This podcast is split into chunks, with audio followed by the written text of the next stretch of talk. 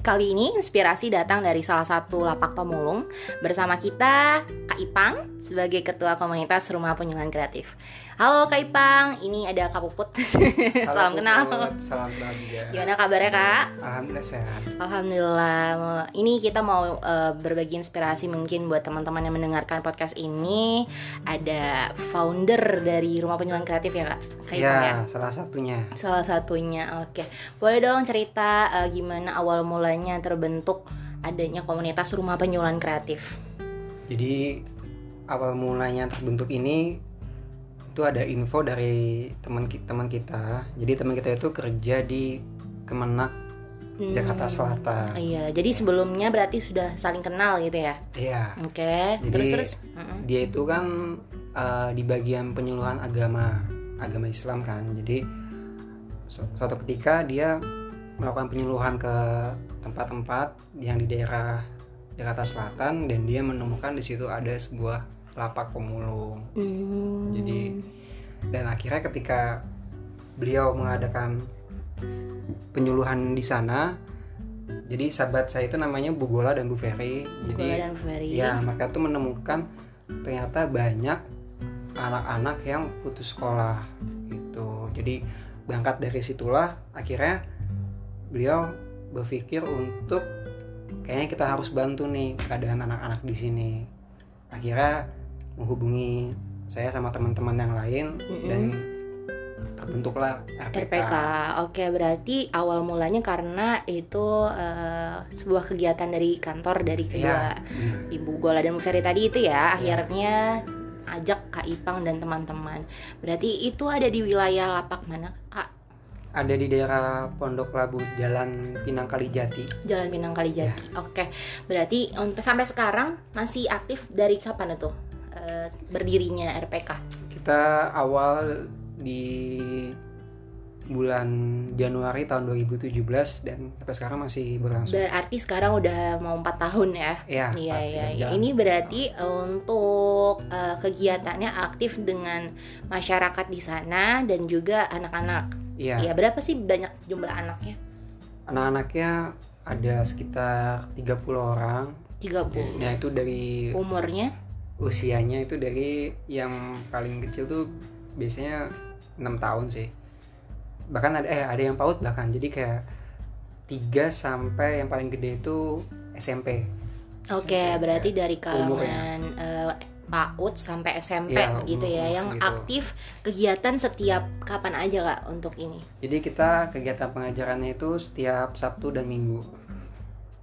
Kak Ipang siapa yang bantu setiap kegiatan Sabtu Minggunya kak? Jadi kita itu ada teman-teman relawan yang lain juga.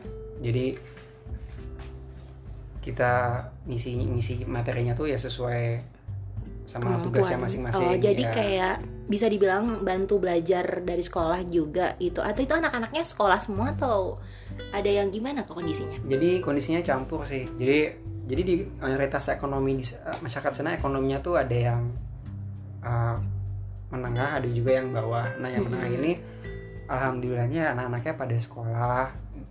Dan kalau yang kalangan bawah ekonominya ke bawah ini ya mereka kondisinya ya apa pemulung dan pekerjaan mereka jadi ya Bantuin sampah orang ya tuanya jadi ya. anak-anaknya Oke. bantu mulungin sampah dan nggak Oh, sekolah Jadi memang kehadiran dari kakak Re, Ipang ya kak dan relawan yang lain akhirnya kegiatan ini menjadi rutinitas mereka di setiap weekend gitu Iya, ya. benar. Berarti dengan teman-teman relawan Kak Ipang punya program dong pastinya nih. Program-program dari RPK itu apa aja kak? Hmm, banyak. Jadi program itu ada kita tuh ada divisi seben- sebenarnya. Jadi Hmm. ada divisi Terbagi dari berbagai divisi. Ya, ada divisi pendidikan, di- divisi humas, divisi seni budaya, divisi crafting, divisi daya. Jadi masing-masing tuh um, membuat program yang nanti untuk baik untuk adik-adik maupun program untuk relawannya sendiri. Oke, berarti punya tugas dan kewajibannya untuk melaksanakan kegiatan yang terkait dengan program-program tadi ya, Ya, pendidikan dan sosial untuk anak-anak. Oke, kira-kira ada nggak sih kak kendalanya dari menjalankan program RPK itu selama ini ya? Apa aja? Kendalanya itu paling berasa waktu di awal sih Kak Put. Jadi Hmm, awalnya orang tua mereka itu bertentangan sama kita nggak terima, Nggak gitu terima ya karena mungkin kita. anaknya yang biasanya bantu akhirnya Mm-mm. Terkuras waktunya buat main padahal main gak sih kak sebenarnya belajar ya belajar sambil bermain sih belajar sambil sebenarnya. main itu awal-awal kendalanya seperti itu ya jadi benar-benar akhirnya ya un- untungnya pembina kita mau melakukan sosialisasi ke orang tuanya juga jadi Hmm. kalau nggak dibantu sama Bu Gula dan Bu Ferry kita juga pasti akan kesulitan kan Oke, karena segala bentuk upaya dilakuin Iya, gitu benar. ya untuk ketemu dengan orang tuanya, ngobrol langsung. benar-benar Dan akhirnya se- semenjak ke arah ke sini orang-orang tua mereka udah mulai terbuka sama kita bahkan mendukung kita gitu. Berarti pasti ada perubahan dong yang terjadi kak. Itu Benar. goalsnya apa sih setelah melakukan upaya-upaya itu dari mengajak anak-anak untuk rutin belajar kegiatan RPK, kemudian juga sosialisasi tentang pendidikan pentingnya untuk terus belajar. Apa goals dari RPK sendiri?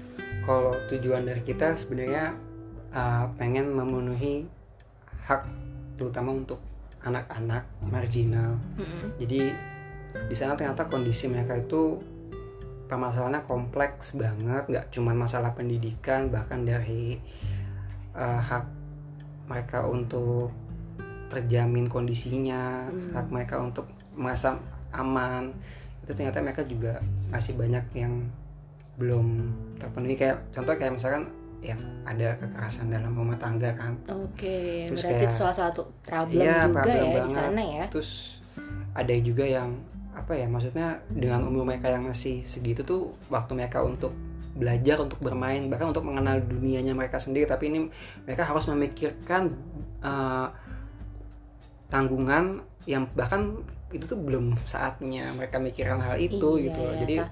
berat banget gitu dan dari situ makanya goals kita pengen kita pengen ngebantu mereka pengen ngejamin pendidikan mereka syukur-syukur bisa sampai mereka kuliah dan mereka lulus bekerja Wow. bisa menghasilkan uang dari jerih payah mereka sendiri gitu. Mudah-mudahan segera Hmm. terwujud untuk itu ya. Berarti untuk bisa kelanjutannya sebagai program masa depannya nanti eh, akan dicapai apa aja nih kak?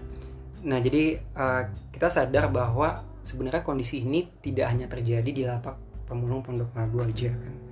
Bahkan di daerah-daerah lain juga saya yakin pasti ada gitu. Pasti juga banyak ya Pasti mungkin banyak. yang udah punya bentukan komunitas yang sama seperti Iya, RPK nah, gitu ya, bantuin.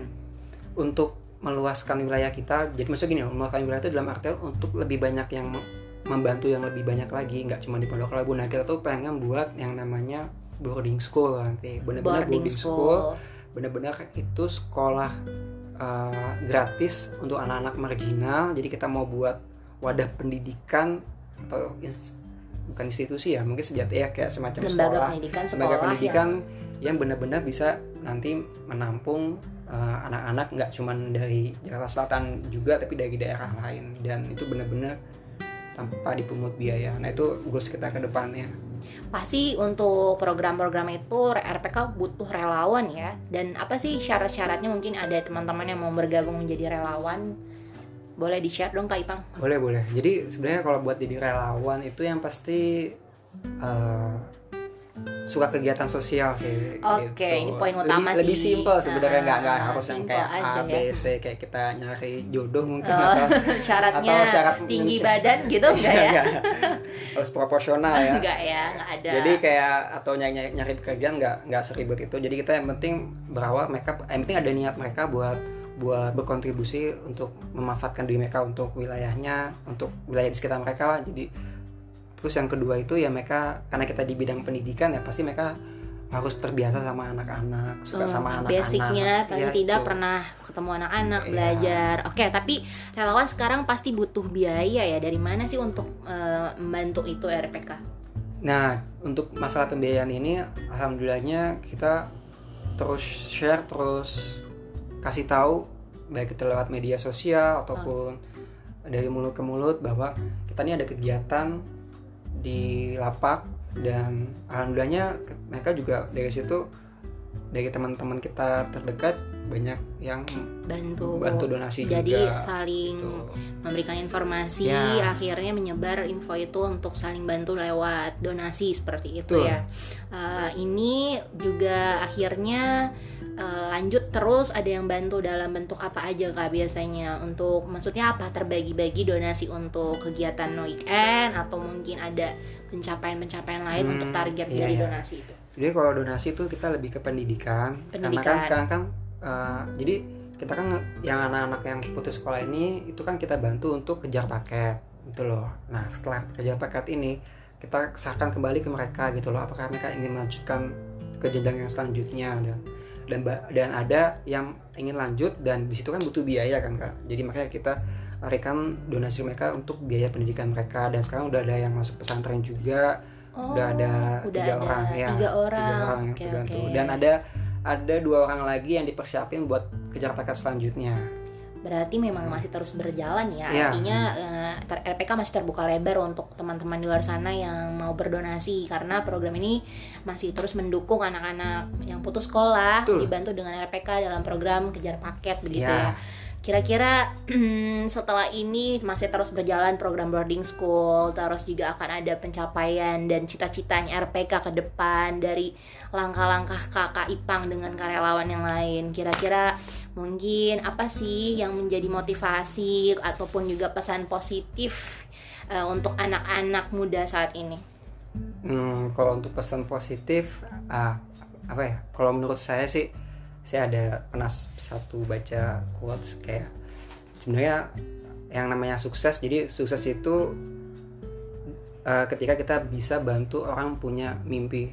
Menurut saya itu itu udah kategori sukses di dalam hidup saya. Jadi bukan dilihat dari apa yang kita punya tapi seberapa besar peran kita dan bahkan bisa membuat orang yang tadinya nggak punya mimpi itu jadi mereka punya mimpi dan wujudin hal itu.